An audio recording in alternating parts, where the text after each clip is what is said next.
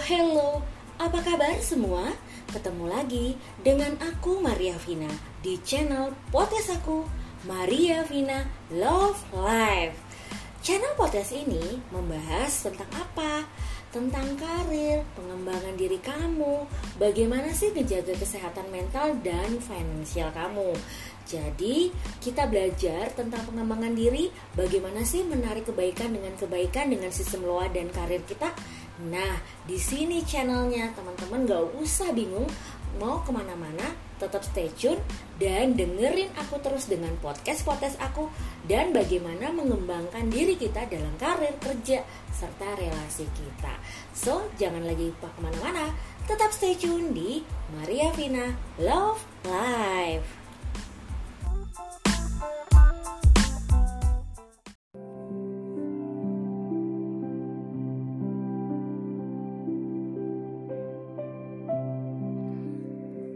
Semuanya, kenapa sih kita harus melakukan yang namanya self healing?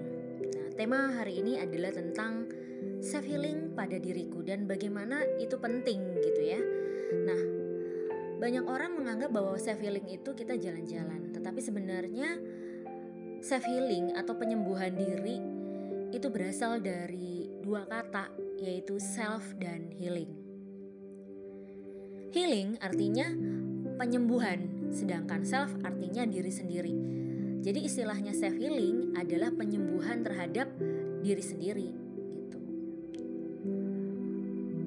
Penyembuhan diri ini kan mencakup tuh banyak dan sangat luas gitu ya. Mulai dari penyembuhan jiwa, penyembuhan luka batin hingga pikiran. Nah, self healing artinya menyembuhkan luka batin yang mempengaruhi keadaan emosi atau kesehatan mental seseorang. Adanya luka batin ini terjadi karena berbagai faktor, teman-teman, ya. Misalkan perasaan traumatis yang muncul akibat perlakuan-perlakuan yang tidak tepat atau kegagalan di masa lalu. Pada dasarnya, setiap luka dalam setiap rentang waktu itu berbeda gitu. Jadi Umumnya luka batin ini bersemayam di dalam diri kita dan itu bertahan lama. Kalau luka batin yang terus-menerus ini e, dibiarkan, ini akan berdampak buruk bagi kesehatan mental kita. Kita menjadi rentan terhadap gangguan kecemasan, stres, depresi, bahkan resiko menyakiti diri sendiri yang mengarah pada membunuh diri gitu. Jadi penting sekali ya teman-teman memahami gitu dan kenapa kita perlu melakukan penyembuhan-penyembuhan luka yang mengganggu emosi kita. Sebagian orang mengalami masalah dan lelah secara emosional. Dan luka ini bisa terjadi dalam waktu yang lama dan berdampak pada kegiatan sehari-hari. Bisa karena cemas, ya, perasaan sedih, ditinggalkan orang tua, gagal mencapai sesuatu dan masalah lainnya di masa lalu. Gitu. Nah, jadi kita perlu mengerti terhadap uh, apa sih self healing gitu. Dan tandanya kenapa kita membutuhkan self healing tanpa kita sadari bisa jadi kejadian-kejadian itu ada dalam diri kita dan kita perlu melihat dan menyadarkan diri kita kenapa kita perlu self healing. Nah, tanda-tandanya kenapa kita perlu membutuhkan penyembuhan e, bagi diri kita atau self healing bagi diri kita. Yang pertama, kita menjadi pribadi yang lebih sensitif. Ya.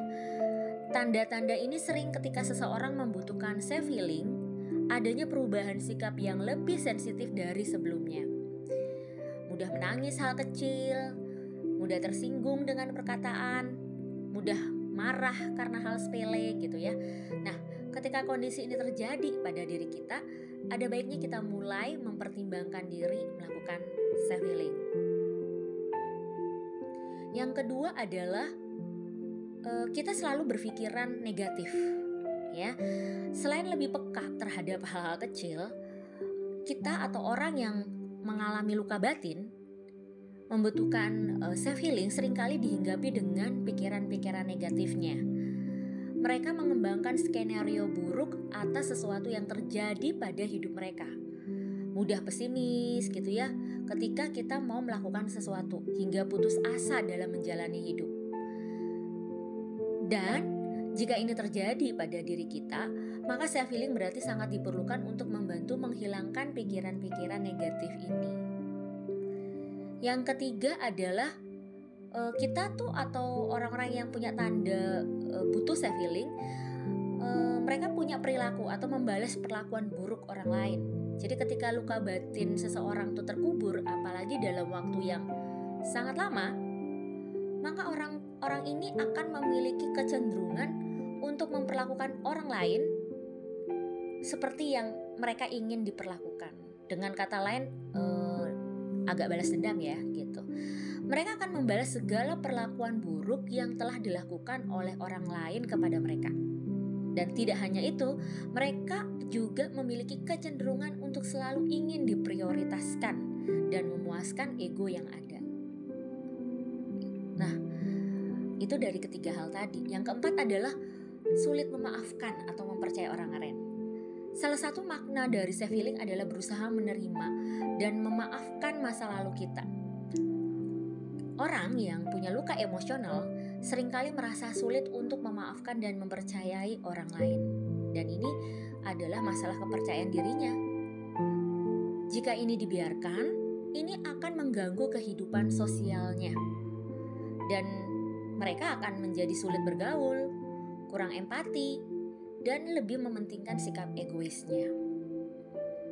Yang kelima adalah eh, orang-orang seperti ini nih cenderung tidak peduli dengan banyak hal orang-orang di sekitar. Jadi luka batin kalau dibiarkan lama bisa membuat seseorang menjadi apatis, acuh tak acuh terhadap orang-orang di sekitarnya. Mereka nggak peduli seperti apa kata orang lain, sekalipun itu orang terdekat mereka. Jika kita melihat hal ini dan perlu saya feeling ini buat diri, artinya ini harus segera dilakukan.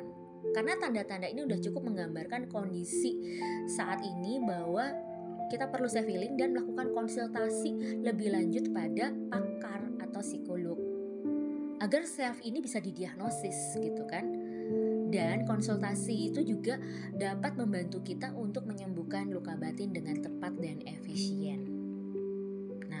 Sebenarnya biar teman-teman tahu nih kenapa sih kita butuh manfaat untuk self healing gitu ya penyembuhan diri.